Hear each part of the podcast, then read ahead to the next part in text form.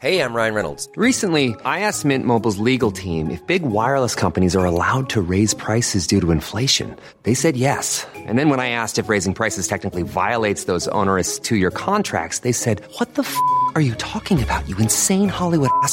So to recap, we're cutting the price of Mint Unlimited from $30 a month to just $15 a month. Give it a try at mintmobile.com slash switch. $45 upfront for three months plus taxes and fees. Promo rate for new customers for limited time. Unlimited more than 40 gigabytes per month. Slows. Full terms at mintmobile.com.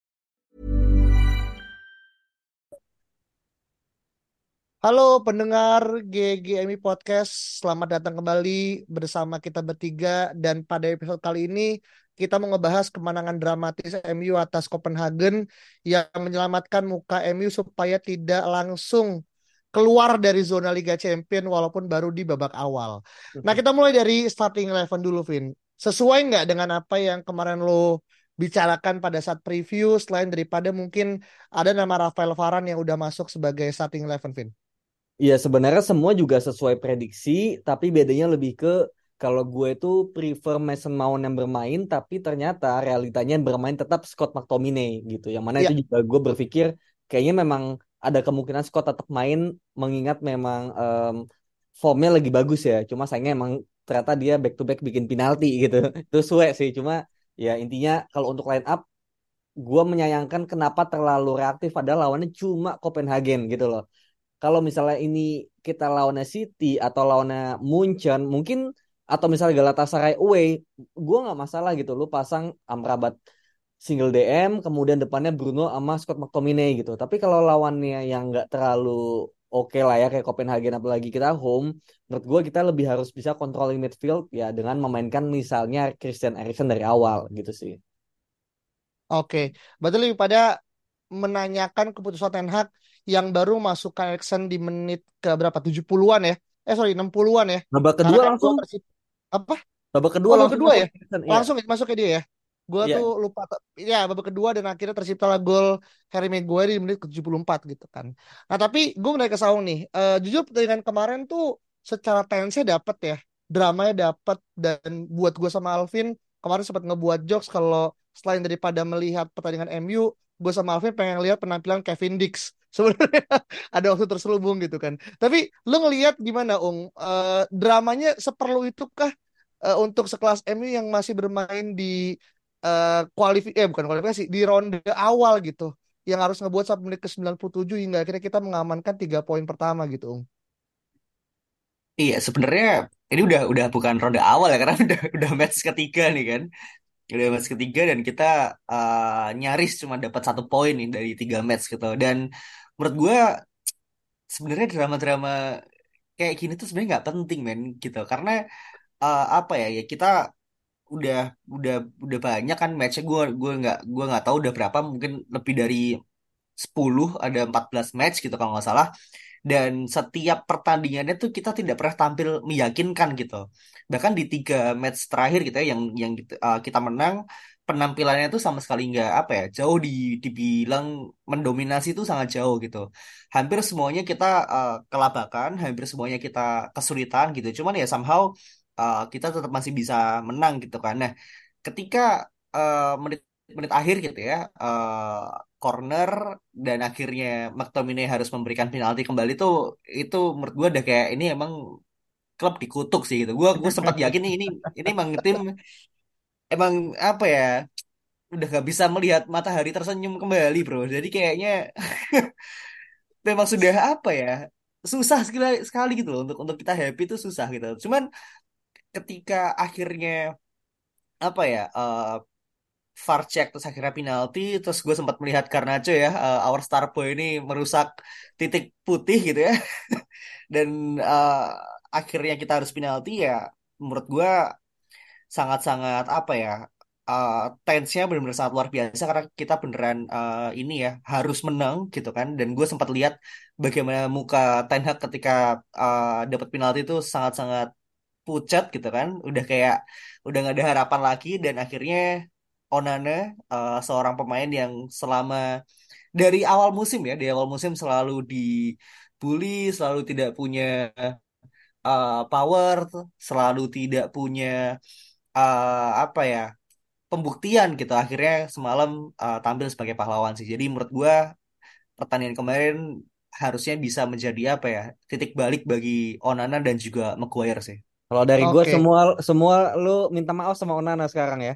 Waduh. Gua gua isi isi form ini uh, permohonan maaf ya ntar ya. Upload di sosmed. Aduh, aduh, aduh, aduh. Bahaya, bahaya. Tapi gini, eh, kalau tadi kan Saul lebih ke bahas nuansnya ya. Dan memang bener gue setuju, nggak perlu lah. Dan ini bukan pertandingan yang menentukan ya. Walaupun tentu kalau kemarin kita seri, buat gue pupus mungkin harapan kita untuk bisa mengembalikan keadaan di tiga eh, game week ke depan gitu. Karena kita akan dua kali tandang dan satu kali kandang lawan Bayern gitu kan. Nah tapi gue mau melihat pada sosok substitution nih Vin. Selain daripada masuk ke Erikson yang menjadi game changer, tapi lagi-lagi Victor Lindelof itu masuk sebagai bek kiri menggantikan uh, Sergei Reguilon yang mana mungkin kita paham mungkin karena Reguilon juga baru sembuh ya dari cedera gitu kan. Dan Alejandro Garnacho yang masuk menggantikan Anthony gitu. Gue nggak tahu apa yang ada di pikiran Ten Hag, tapi gue ngerasa yang sebenarnya perlu diganti adalah Marcus Rashford. Dan dia sering banget ya melakukan tusuk-tusukan yang nggak perlu gitu dan akhirnya bolanya hilang dan gak jadi apa-apa gitu. Tapi kenapa gitu? Rashford tuh seolah jadi kayak untouchable dan ujung-ujungnya malah Anthony yang buat gue mainnya nggak jelek-jelek banget gitu kan. Malah harus digantikan sama Garnacho yang sebenarnya menyiapkan peluang beberapa kali depan gawang gitu, Vin. Iya iya. Uh, kalau masalah Anthony memang mungkin ya, mungkin ada masalah stamina dan juga uh, sharpness-nya juga ya karena dia udah lama nggak main nggak latihan juga gitu meskipun dia cukup fit ya tapi untuk bermain 90 menit dia masih harus dijaga sepertinya untuk masalah stamina nya tapi masalah Rashford tidak diganti ini juga satu hal yang ya mungkin ya memang Ten Hag ini untuk dua pemain yaitu Rashford dan Bruno masih berharap magicalnya gitu loh dan ini satu hal yang gue sebenarnya against ya gitu kayak kalau memang udah nggak perform lagi nggak perform mungkin ada kalanya ya sedikit diganti dulu aja gitu cuma memang mungkin karena uh, pilihannya antara Anthony dan juga Rashford akhirnya dipilihnya Anthony dulu gitu. Cuma memang ngomongin Rashford ya kemarin ada satu momen yang ketika dia dapat bola di sisi kiri entah kenapa kok touchnya terlalu jauh ya gitu. Itu itu amatir banget sih menurut gue ya kayak literally confidence ya menurut gue ya. Iya. Itu pure confidence sih kayak kayak apa ya? Kalau kemampuan dia tuh nggak kayak gitu gitu loh. Itu dia cuma karena mungkin nggak tenang dia melihat sosmed bagaimana dia dibully entah harus ngoper entah harus nendang jadi ketika dia pegang bola dia jadi takut gitu loh, untuk beraksi gitu ya kita semua mungkin punya andil ya terhadap uh, penurunan performa pemain tapi ya pemain itu kan digaji memang untuk menyenangkan fans ya jadi kayak sebenarnya itu udah bukan alasan lagi gitu loh cuma memang itu yang lagi dihadapi sama Rashford gitu bagaimana dia uh, harusnya itu bola gampang tapi malah lepas kemudian juga kita lihat pas zaman di kanan dia ngegiring bola ke kerumunan men gitu loh. Tiga orang dia malah larinya ke situ gitu. Bukannya dia malah harusnya crossing atau misalnya dia kombinasi passing ya, tapi dia malah mau ke situ dan juga langsung kerebut bolanya gitu.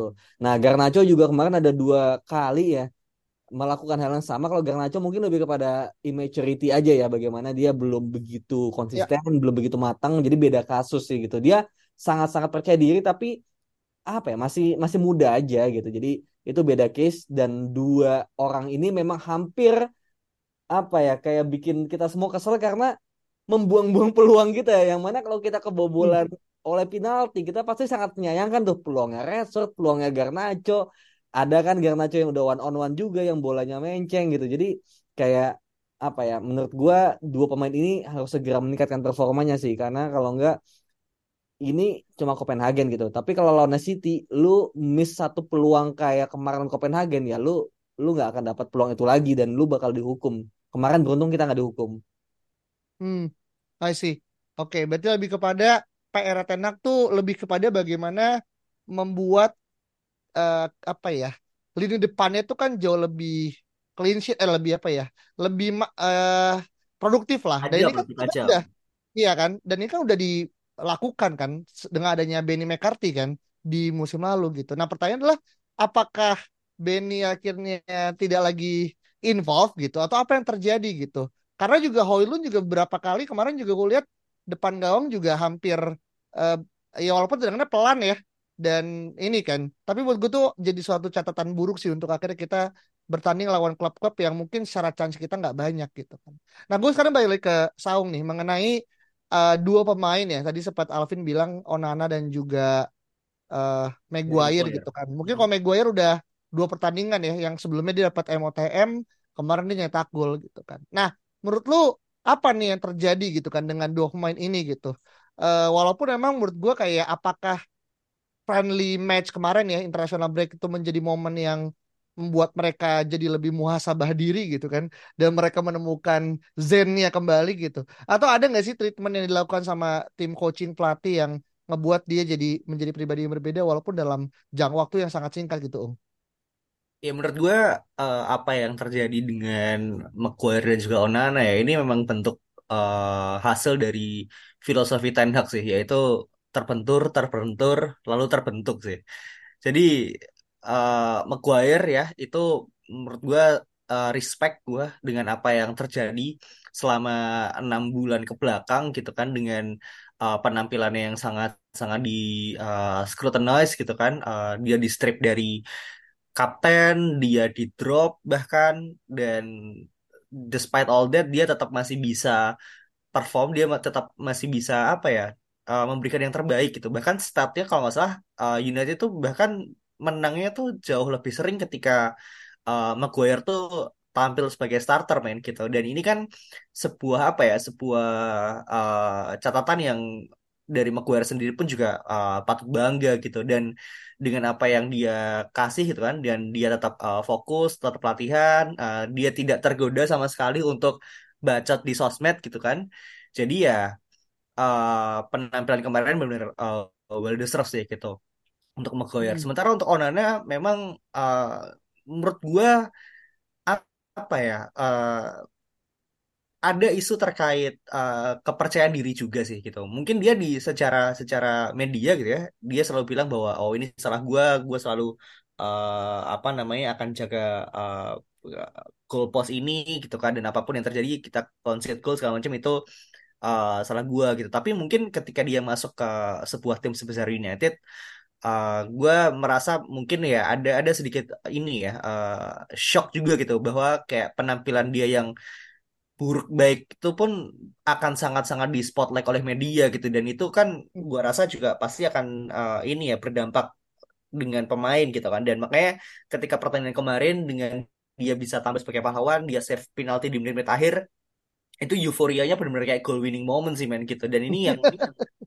bener-bener apa ya luar biasa sih. Gue lihat eh, selebrasinya aja merinding gue kayak ini adalah momen yang yang dia tuh patut untuk dapatkan gitu. Bahwa kayak ya. tim ini tuh butuh Onana fans juga butuh Onana. Jadi dengan ada momen seperti ini gue harap tingkat kepercayaan diri dia makin tinggi secara performa dia juga makin bagus gitu. Oke memang uh, di beberapa pertandingan sebelumnya dia apa ya technical issue tetap ada lah gitu. Dia tidak akan apa ya nggak akan bisa selincah uh, De Gea gitu katakanlah. Tapi kepercayaan diri inilah yang harus dibangun sih antara uh, pemain dan juga pelatih dan juga fans sih gitu. Bahwa hmm. kayak ya ke depannya ya kita punya satu sama lain kayak gitu sih. Iya ya dan dan um, kemarin juga selain daripada penalti ya memang Onana juga banyak menyelamatkan juga ya Iya. gitu. Gue lihat hmm. di babak kedua awal ada tendangan pemain Copenhagen yang apa ya cukup ke ujung gitu dan itu bisa ditepis hmm. gitu sama Onana yang kayak oh ini biasanya Onana kayak ini kebobolan nih atau blunder gitu tapi, tapi bisa gitu jadi di luar nah tapi sebelumnya gue mau pengakuan dulu bahwa gue sebenarnya babak kedua gue nggak nonton gitu. Sampai okay. golnya sama gue ya karena gue babak pertama gue udah bete banget nontonnya kan kayak anjing sampah banget nih match gitu kan.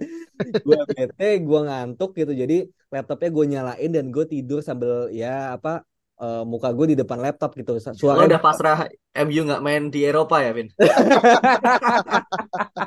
Gue udah terima itu dari babak pertama gue udah ah sampah nih gitu kan gak akan ke mana-mana jadi gue nggak tahu tuh Erikson masuk, kemudian Lindelof masuk, gue nggak tahu gitu sampai akhirnya kok berisik pas gue berisik lihat, uh Maguire cetak gol gitu karena dari Maguire cetak gol itu akhirnya gue baru nonton gitu. Nah pas nonton itu mungkin udah agak menurun ya intensity MU menyerangnya ya karena MU banyak menyerang ternyata di uh, sebelum Maguire cetak gol itu ada peluangnya Erikson, peluangnya Hoylund, Garnacho, Rashford gitu tuh banyak ada di situ. Sampai akhirnya di menit terakhir gue shock dong tiba-tiba penalti dan itu gue udah accept gitu kayak ah udahlah gue malah minta semoga ranking 4 aja sekalian gitu. Daripada ranking 3 pertandingan kita makin banyak ya kan? Ya. udahlah ranking 4 aja sekalian kita fokus di liga. Gitu gue udah terima. Udah ini mah emang tim sampah banget lah gitu. Kayak lu buang-buang peluang tiba-tiba uh, apa bikin pelanggaran kayak gitu ya 50-50 tapi kayak ya udahlah ini suwe sih. Bukan salah Ten Hag kalau udah kayak gini gitu kan. Cuma pas gua apa ternyata penalti di tepis gua diem dulu gitu karena ini takutnya tiba-tiba dicek VAR lah atau apa gitu kan karena kebiasaan seperti itu. Jadi Hiring for your small business? If you're not looking for professionals on LinkedIn, you're looking in the wrong place. That's like looking for your car keys in a fish tank. LinkedIn helps you hire professionals you can't find anywhere else, even those who aren't actively searching for a new job but might be open to the perfect role. In a given month, over 70% of LinkedIn users don't even visit other leading job sites. So start looking in the right place. With LinkedIn, you can hire professionals like a professional. Post your free job on linkedin.com slash achieve today. Everyone knows therapy is great for solving problems. But getting therapy has its own problems too. Like finding the right therapist, fitting into their schedule, and of course, the cost. Well, BetterHelp can solve those problems. It's totally online and built around your schedule. It's surprisingly affordable too. Connect with a credentialed therapist by phone, video, or online chat all from the comfort of your home. Visit betterhelp.com to learn more and save 10% on your first month. That's BetterHelp H E L P. Mungkin gue sama kayak Onana sih ketika akhirnya berhasil uh, menepis penalti. Onana juga nggak selebrasi kan, dia udah langsung ngeliatin corner gitu kan. itu ayo corner corner gitu kan, tapi ternyata match sudah selesai gitu. Jadi gue leganya ketika udah bener-bener peluit panjang gitu. Mm -hmm. Iya iya. Dan gue mau nambahin ya kayak gue ngerasa ya ini entah kesengajaan ataupun enggak, tapi semenjak De Gea kemarin main ke Manchester ya dan foto bareng Bruno ya Vin ya. Hmm, uh, bareng ya. Itu itu ngebuat mungkin orang-orang ngerasa kayak waduh, gue kayaknya nggak bisa lagi santai-santai nih gitu. Karena bisa jadi kalau ada apa-apa De Gea bisa dipanggil lagi mungkin ya. Gue nggak tahu tapi apa pun alasannya kemarin emang Onana deserve a credits dan ini pun juga disampaikan sama Paul Scholes ya di TNT Sports. Bahkan di tweet juga loh sama Mesut Ozil gitu. Kalau Maguire dan juga Onana silencing their haters gitu. Dan kemarin tuh bener-bener jadi momen untuk mereka harapan jadi redemption ya kalau bahasa saung gitu kan e, membuat akhirnya mereka hidup kembali untuk Onana mungkin dari apa yang dirasakan di awal musim dan buat Harry Maguire selama dua musim terakhir kalau dia berhasil untuk membungkam ya kritikus-kritikus yang ngebuat dirinya terbuli dan bahkan dianggap sebagai lord ya dalam konteks yang negatif gitu kan. Nah, mungkin gini Ung, kalau misalkan untuk Onana dan juga Maguire kan adalah uh, dua pemain yang sedang uprising ya gitu. Tapi gue juga akhirnya mencatat ada beberapa yang mungkin di mana MU sekarang gue kemarin bilang ke Alvin belum sepenuhnya tuh kan full tim ya karena masih ada yang cedera. Dan kita juga ingat kemarin pada saat MU melawan uh, Copenhagen MU U21 atau U17 juga main kan lawan Copenhagen kan dan kita kalah hmm. 0-1 di situ Kobe main udah main tuh dan dia main 45 menit ya.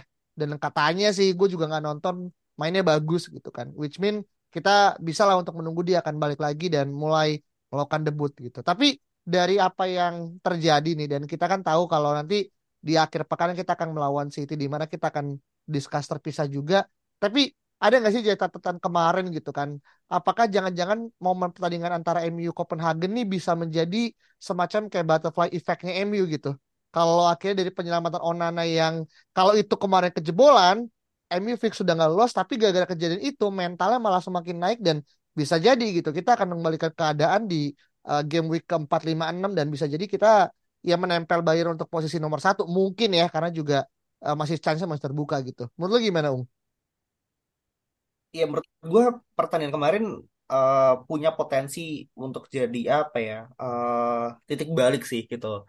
Gue mungkin cukup sering ya mention soal hal ini ya karena pertandingan United itu bener-bener apa ya uh, dramanya tuh memang kadang banyak yang nggak penting sih gitu. Cuman tak nggak bisa dipungkiri juga bahwa kayak momen-momen seperti ini tuh yang bisa meningkatkan apa ya kepercayaan diri dan juga performa para pemain sih gitu karena ya lo tahu bahwa uh, mau gimana pun lo tetap akan bisa menang kayak gitu dan hmm. ini yang harus apa ya harus segera dimiliki sih mental-mental seperti ini tuh apalagi di uh, beberapa minggu uh, setelah ini gitu kan kita ada lawan uh, City gitu di di matchday besok terus ada masih ada Liverpool ya kan masih ada Chelsea juga kalau nggak salah gitu. Dan kayak apa ya uh, kalau lo nggak punya mentalitas yang bener lo nggak punya mindset yang bener ya jangan harap lo bisa lolos uh, Champions League gitu nggak hanya musim ini tapi kayak musim depan juga kayaknya lo juga gak akan lolos kalau lo nggak punya mindset yang bener gitu kan. Makanya pertandingan kemarin gue harap efeknya tuh hampir seperti Liverpool musim lalu ya gitu. Ketika kita bisa menang dan akhirnya bisa uh, punya start yang bagus tuh harapan gue sih seperti itu gitu. Cuman ya kembali lagi gue berharap uh, dengan nantinya semakin banyak pemain yang kembali gitu kan banyak pemain yang uh, udah mulai bisa tahu mana yang uh, apa namanya tanda inginkan dan juga uh, striker ya pemain-pemain depan ini udah makin dewasa gitu decision makingnya udah makin tahu bahwa lo tuh tugas lo ya cetak gol gitu kan nggak cuma passing jadi ya hopefully pertandingan besok uh, atau pertandingan uh, apa ya uh, City besok kita bisa meraih hasil yang positif sih gitu. Iya, walaupun positif seri juga kayak positif ya. asal nggak kalah gitu kan. Oke. Okay. Asal nggak dibantai 6-3 kayak musim lalu sih harusnya fine ya. Iya iya. Nah Vin, terakhir Vin, uh, masih mengenai Onana dan juga uh, apa ya Maguire. Kira-kira nih, kan masalahnya dia kan berarti kan lebih kepada mental ya. Dan so far kan dia mendapatkan support ya. Dan gue sih yakin kemarin pada saat MU selesai tuh, kan gue nonton tuh post match reaction ya langsung ya. Dan yang diwawancara cuma dua orang tuh, Onana dan juga Maguire gitu. Jadi kayak bener-bener nih this match goes to you lah buat mereka berdua gitu kan. Uh, ada nggak mungkin hal-hal yang mungkin buat entah fans atau mungkin buat mereka berdua yang uh, bisa menjadi semacam kayak titik balik untuk terus meningkatkan performance dan ya momennya kayak ya harus sekarang gitu karena kalau semakin lama makin susah untuk akhirnya mereka untuk bisa mengembalikan keadaan gitu Vin. Iya untuk Maguire sebenarnya sama ya kayak Saung tadi gitu. Gue jadi mulai menaruh respect kembali karena ya dia nggak banyak bacot dan dia membuktikan itu di lapangan gitu. Dan somehow dia main lebih bagus ya. Dalam arti eh, tanpa ban kapten dia lebih lepas bermainnya dan kontribusinya di tiga match terakhir meskipun matchnya itu kecil-kecil ya timnya. Tapi ya yang gue bilang kemarin juga gitu kepercayaan diri ini dibangun melawan tim-tim yang kecil-kecil dulu aja. Lu menang-menang dulu aja ugly win cetak gol nanti gitu ketika kepercayaan diri lu udah meningkat nanti ya lu bakal bisa menang secara benar lah dengan permainan yang baik gitu. Tapi itu nanti gitu. Dan Maguire menunjukkan itu dia benar-benar yang menurut gua aerial duel kemudian passingnya long passnya distribusi bolanya semuanya bagus semua gitu. Paling ya ketika kena counter aja bagaimana dia lambat ya itu bagaimana dia positioning aja dan koordinasi dengan pemain lainnya gitu. Tapi menurut gua dengan cederanya Martinez ya gua harap dia benar-benar bisa memanfaatkan kesempatan ini gitu. Seenggaknya sampai akhir tahun gitu di mana Martinez juga kan sampai akhir tahun ya cederanya gitu. Dan kita sampai Desember kan kita jadwal bakal sepadat itu. Jadi harapan ya gitu Maguire juga bisa bantu MU buat bisa di level yang seharusnya di klasemennya seharusnya dan juga bisa lolos Liga Champions gitu. Dan Onana menurut gue lebih kepada ya memang kita harus bersabar sih gitu untuk bagaimana melihat Onana yang asli ya. Karena kemarin kayaknya ya masih adaptasi, masih kaget bagaimana pers dan media Inggris itu terlalu kejam ya gitu untuk ngehajar pemain yang baru. Yeah. Kemudian blunder itu langsung nggak ada habis-habisnya dihajar sana sini gitu. Gitu. Jadi menurut gue sekarang dia lagi dapat momentumnya nepis penalti di menit akhir tuh bener-bener yang apa ya itu menurut gue dia langsung jadi bangga banget sih sama dirinya sendiri gitu bangga sama tim dan satu tim kemudian di cadangan itu kan juga bener-bener yang sampai setegang itu dan ketika Onana berhasil lepis tuh langsung selebrasi langsung gila-gilaan gitu. Jadi hmm.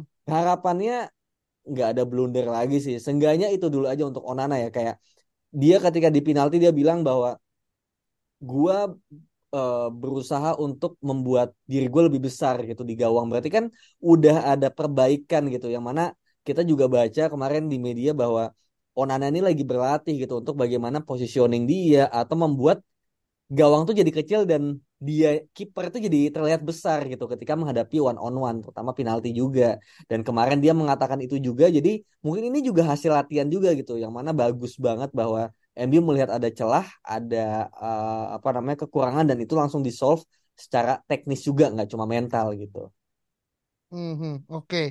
Oke, berarti lebih kepada akhirnya peningkatan performance dan itu juga datang dari teman sekitar ya, dalam arti orang-orang yang memang berada di sekeliling. Dan gue yakin pada saat kemarin orang-orang atau ngelurungin Onana itu bermakna dua hal ya. Satu, berarti menyelamatkan MU dari hasil seri. Dua, memberikan semangat buat dia ternyata adalah orang yang tepat yang bisa diandalkan, Vin. Karena kan tentu kalau kita ngomongin uh, defense ya, yang menjadi palang pintu terakhir adalah kiper gitu. Dan sekarang mulai uh, trust respect dan harapannya confidence Onana mulai balik begitupun dengan Maguire dan mungkin bisa jadi ini adalah pesan terselubung gue baca di Twitter ya meskipun jokes kawan ini adalah momen Maguire buat bisa mengambil alih kembali ban kapten. Anjir gue nggak sampai ke sana sih tapi menarik juga konspirasi Twitter tentang bagi Maguire mencoba untuk menatap balik ke Bruno kalau this captaincy belongs to me gitu. Ya menurut gue Maguire sekarang misinya adalah bagaimana dia bisa menarik minat para pembelinya sih. Udah gitu aja. Di bulan Januari ya. Eh, menurut gue justru dengan dia tidak punya ban kapten tuh harusnya dia jauh lebih lega sih gitu. Karena lo kalau main jelek sedia, setidaknya lo nggak diperparah dengan apa ya status sebagai sebagai kapten United sih gitu. Jadi kayak kalau misalnya lo main sampah ya udah karena lo uh, sampah aja gitu. Tapi kalau misalnya lo mainnya jelek dan lo ternyata kapten kan akan kayak apa ya akan semakin parah gitu.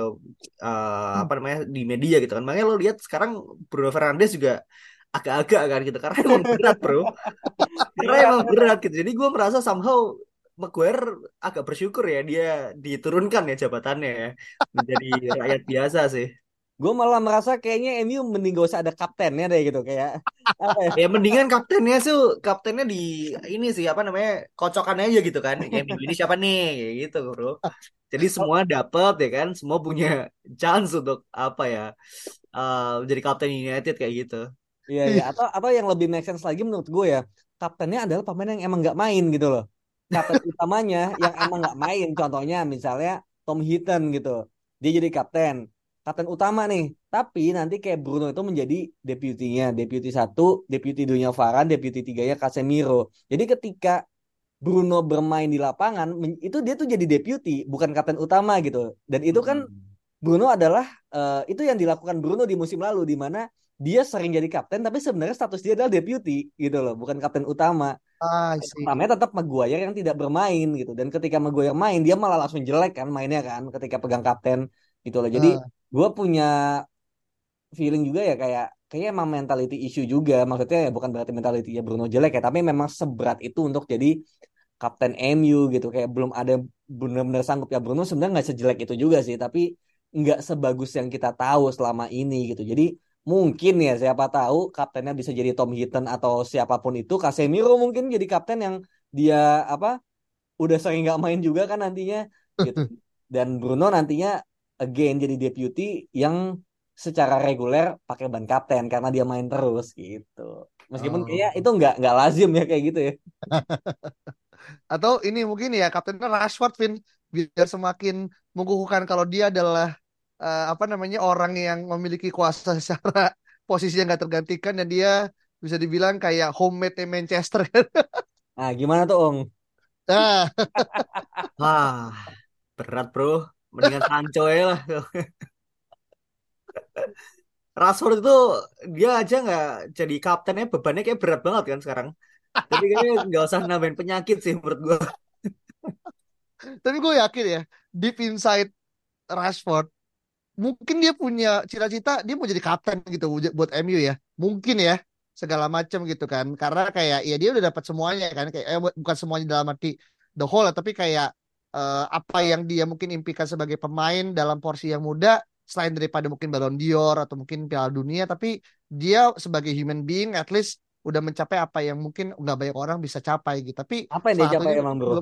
ya dia jadi Ballon dia dapat gelar NBA segala oh. macam kan. Saya gelar kehormatan dan kemanusiaan dia oke okay lah. Dan musim lalu dia jadi uh, pencetak gol terbanyak di MU dan hal-hal yang mungkin nggak banyak orang bisa lakuin gitu loh Vin menurut gue ya terlepas sama dia punya kesalahan tapi dalam waktu lima tahun ke depan atau dia kalau bisa bertahan sih gue yakin dia pasti punya hasrat buat jadi kapten MU sih. Secara ya dia homegrown player gitu kan. Dia ngerasa dia udah uh, punya jangka waktu yang lama sih.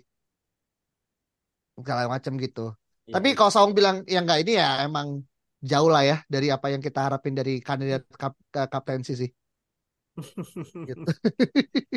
ya lo lihat uh, beberapa kapten United yang lalu terus lo lihat uh, karakternya Rashford aja sih untuk untuk membandingkan gitu ya. Dan gue rasa untuk saat ini dia masih belum punya sesuatu gitu untuk menjadi seorang kapten United sih menurut gue jadi hmm, masih hmm. sangat panjang sih jalannya gitu. Itu pun juga sebelum cabut ya. Oke, oke, itu ya uh, teman-teman bahasan mengenai bagaimana akhirnya memang episode ini secara spesifik kita membahas Onana dan juga Maguire gitu kan.